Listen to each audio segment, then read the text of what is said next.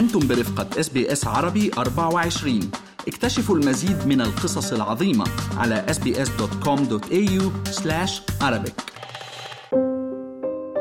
قصتي. لكل واحد منا قصة. ما هي قصتكم؟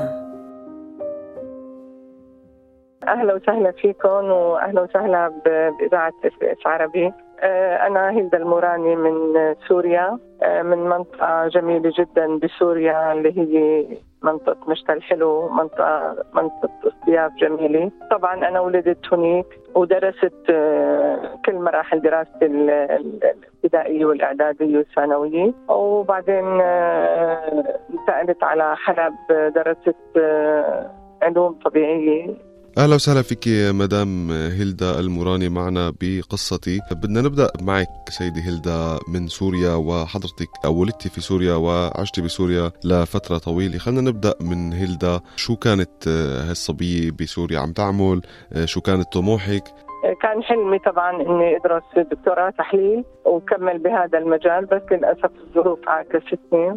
استمريت بالجامعة وخلصت ونشكر الله بعتبر إنه كنت من المدرسين الناجحين وكان لي اسم بالبلد. ودرست تقريبا 30 سنة قبل ما انتقل على آه، أستراليا. نعم. بهالفترة هي أنا قبل ما أقدم على مسابقة التدريس آه، استلمت فترة منيحة مديرة مركز ثقافي بمشتى الحلو. وكمان بمجال الثقافي والعمل كان كتير حلو فيها. في تقريبا ثلاث سنين قبل ما أتزوج كانت مرحلة حلوة تعاملت فيها مع مختلف طبقات المجتمع من فنانين من مثقفين من سياسيين. من شعراء من كتاب. آه، كانت مرحلة كتير حلوة أثقلت شخصيتي بشكل كتير كبير.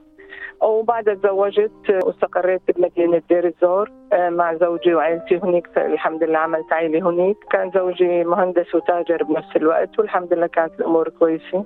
ولحتى صارت الحرب للأسف دمرت كل شيء ورجعنا ورجعنا على مشتى الحلو ضلينا فترة وبعدها انتقلنا للبنان. ومن لبنان رجعنا قدمنا هجرة على أستراليا وإجينا والحمد لله استقرينا بهذا البلد الممتاز. قبل ما ننتقل ونحكي عن سفرك إلى استراليا، خلينا نرجع شوي على العائلة اللي كونتيها بسوريا، طبعا زواجك وانتقالك للعيش مثل ما قلتي بدير الزور، احكي لنا عن هذا اللقاء، كيف كيف تم اللقاء بينك وبين زوجك؟ يعني هل هي قصة حب؟ كلنا تفاصيل شوي عن هاي العلاقة. الحقيقة أنا قلت لك إنه كنت مديرة مركز ثقافي وكان عندي جارة حبتني كثير فاتصلت فيه وطلبت منه يجي زيارة لعندهم. واجى لعندهم هو على المشتى زيارة وحضر ندوة ثقافية. أنا كنت طبعا بما أني رئيس مركز ثقافي كنت أنا اللي عم دير الجلسة. وتحاورنا شوي وتناقشنا وحسيت إنه في نظرة إعجاب. وبعدها طلعت من من المحاضرة صار في حديث ونقاش بيني وبينه. وكان في ود وهو بما إنه جارتي جايبته لعندها. فصار في تواصل وحبينا بعضنا فترة قصيرة يعني ما بتتجاوز ثلاث شهور. ولو ما حبيته حقيقة نقلي من مشتى الحلو منطقة جميلة جدا لمدينة دير الزور. كمان جميلة بس تختلف بالطقس وبالعادات بالتقاليد بشكل كثير كبير يعني. فحبي لزوجي هو اللي خلاني انتقل هالنقلة والحمد لله ما كان في ندم أبدا أبدا لأنه كانت كمان دير الزور مدينة جميلة جدا يعني وانبسطت فيها قضيت فيها تقريبا 20 سنة كانوا من أجمل أيام حياتي أه، حضرتك أه، أم طبعا أه، شو عندك أولاد؟ عندي شاب وحيد الله يخلي أولاد العالم. الله يخلي لك إياه.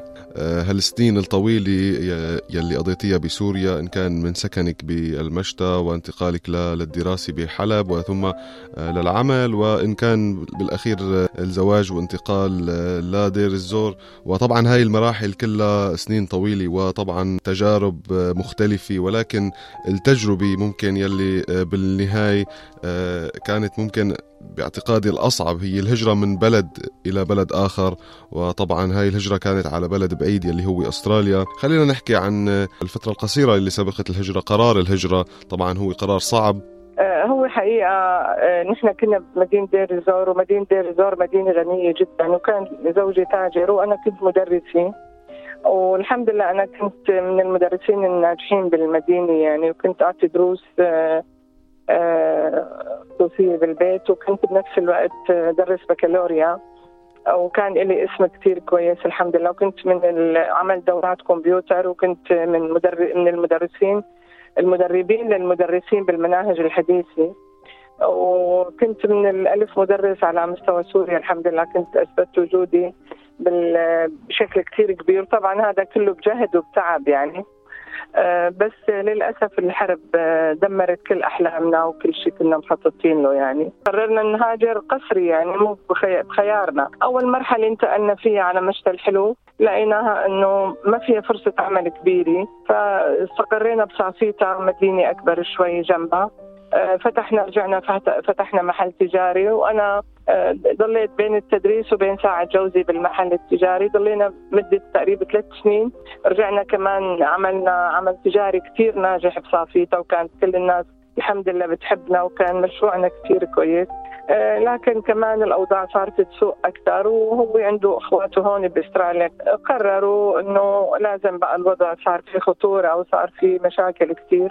آه، قررنا الهجرة طلعنا على لبنان قعدنا في في في مراحل جدا محزنة ما بحب أدخل بتفاصيلها لأنه آه، بحاول أنساها كثير من حياتنا يعني. نعم. لما قررنا الهجرة على أستراليا تعرضنا لعملية سلب بلبنان كل شيء كنا مجمعينه مراحل حياتنا للأسف انسرق منا كله بلبنان يعني. لما إجينا على أستراليا إجينا مثل ما بيقولوا بالثياب اللي نحن لابسينها آه، الشغلة الوحيدة اللي كانت بتزعلني كثير إنه ابني آه، ما كان يستقر بمدرسة. آه، ثلاث سنين تقريبا ما راح فيها عن مدرسة. كل سنة ببلد كل سنة هجرة وأنا ما عندي غيره. يعني قررنا نطلع على أستراليا بس لنحميه ونأمن له مستقبل.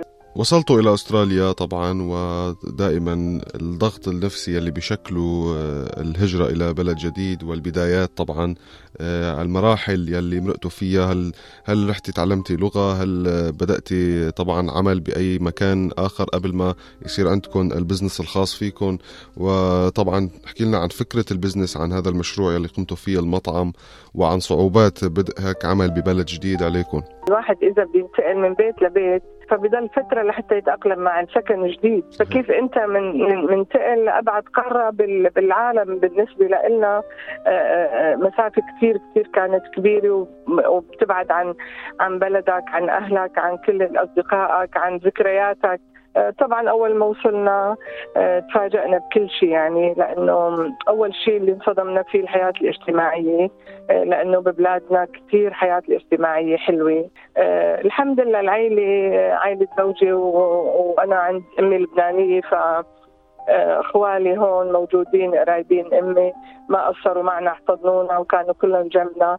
بس كل هالشيء ما بي ما بيخفف كثير من الغربة اللي انت آه، صارت آه، بنفسك من جوا يعني. أنا وزوجي آه، دخلنا فورا المدرسة زوجي مهندس زراعي وأنا مثل ما قلت لك خريجة علوم طبيعية. للأسف في في شغله كثير مهمه إني أنا باللغة عمري ما حبيت اللغة الانجليزيه وعمري ما نجحت فيها. فعانيت حقيقة عانيت بمشكله اللغة كثير يعني. واللي أكثر شيء عانيت منه إني أنا مدرسة. فعانيت شوي إني أنا كنت مدرسة 30 سنة وأرجع أقعد على مقاعد الدراسة كطالبة. وأحس إنه الأسلوب مختلف عني تماما بتوصيل المعلومة للطالب يعني. فعانيت شوي بالبداية. آه، حاولوا إنه يساعدوني إنه أنا عندي كثير خبرة بمجال شهادتي وهوني. بس الحمد لله آه، آه، يعني أخذت المعلومات اللي كانت تساعدني إني أمشي بالحياة لا أكثر ولا أقل يعني. نعم.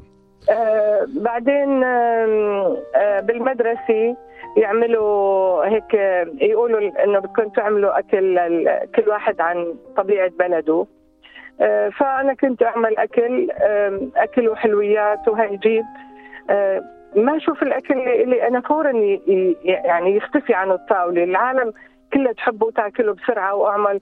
يرجعوا يطلبوا مني مرة ثانية مرة ثالثه بعدين صارت الانسه اللي عندنا تشجعني كثير يعني. وطبعا أنا وزوجي سوا كنا بالمدرسة.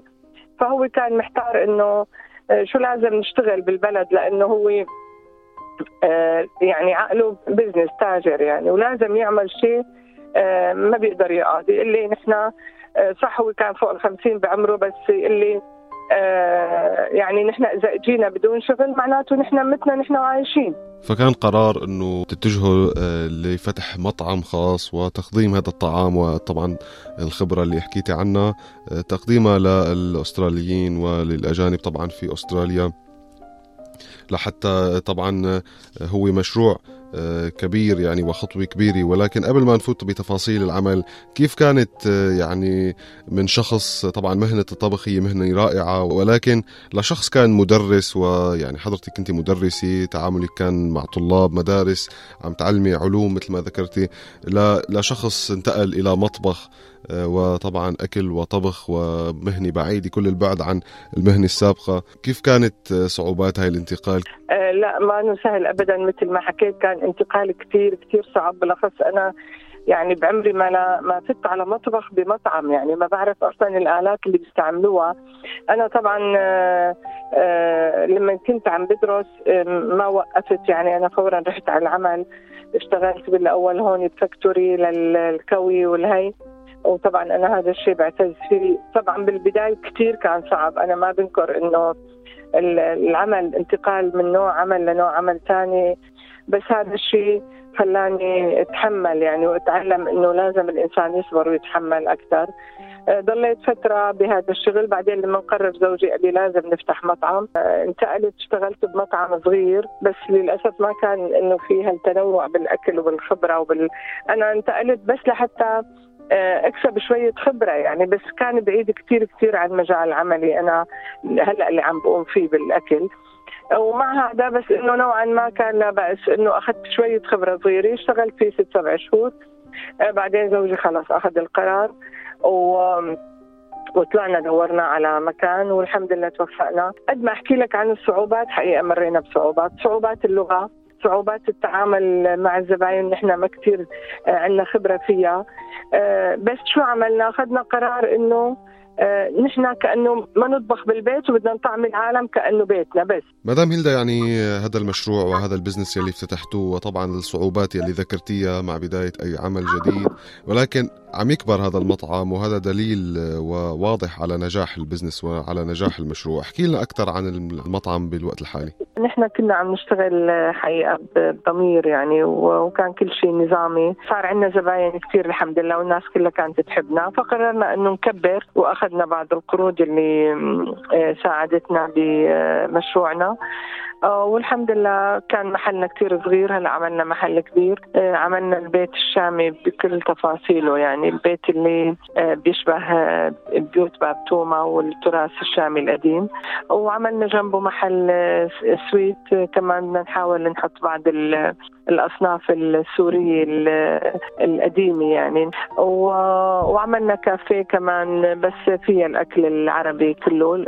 عم نحاول نعمل كل أنواع الفتات. وانشهرنا كثير بالفلافل العالم كثير بتحب الفلافل عنا. آه، احكي لنا عن اسم المطعم شاميات. آه، مين اختار الاسم وليش اخترتوا هالاسم؟ آه، حقيقة أنا أول مين اختار الاسم؟ كنت جاي من سوريا وكثير متأثرة لسه. يعني هلأ ولو بعد 100 سنة طبعا بتضل الشام بقلبنا يعني. حقيقة ما كان في مطاعم مثل ماي باسم سوريا هون أبدا. نعم. ونحن كجالية سورية كبيرة صرنا بأستراليا. فكان لازم نحيي هذا الاسم اللي هو اسم بلدنا وعاصمتنا الحلوة الشام يعني. نعم. أه بدنا هيك منك نصيحة صغيرة لكل اللي عم يسمعونا. طبعا حابين يعرفوا أكثر سر هاي الإيجابية وطبعا النجاح مع مثل ما قلنا كل الصعوبات يلي مرقتي فيها. أنا ما حبيت أحكي للناس مآسي لأنه بدي أعطي الوجه الإيجابي لحياتنا. بس لو بدي أحكي نحن الظروف اللي مرينا فيها كثير كانت صعبة وقاسية. آه، اختصرناها كثير وما بدنا نرجع للآلام. أنا اللي بدي أقوله للناس إنه فعلا من من قلب المعاناة بيخلق الأمل. والإنسان لياخذ عمر بس يوقف عنده. نحن ما لنا صغار بدينا البزنس أنا وجوزي بالخمسينات. هون في مجالات كبيرة للحياة في مجالات كبيرة للمشروع المشاريع للنجاح للتفوق. نحن ما تهجرنا نحن انتشرنا. وانتشارنا مثل بشبهه آخر شيء مثل ريحة الياسمين الشامي اللي بتنتشر بكل مكان وبتكون لها آثار إيجابية لكل المجتمعات وكل الناس اللي بتشمها. ونحن هيك كنا وراح نضل ياسمين الشام. شكرا كثير لك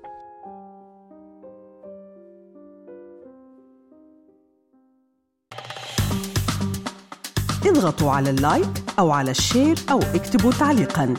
تابعوا إس بي إس عربي 24 على الفيسبوك.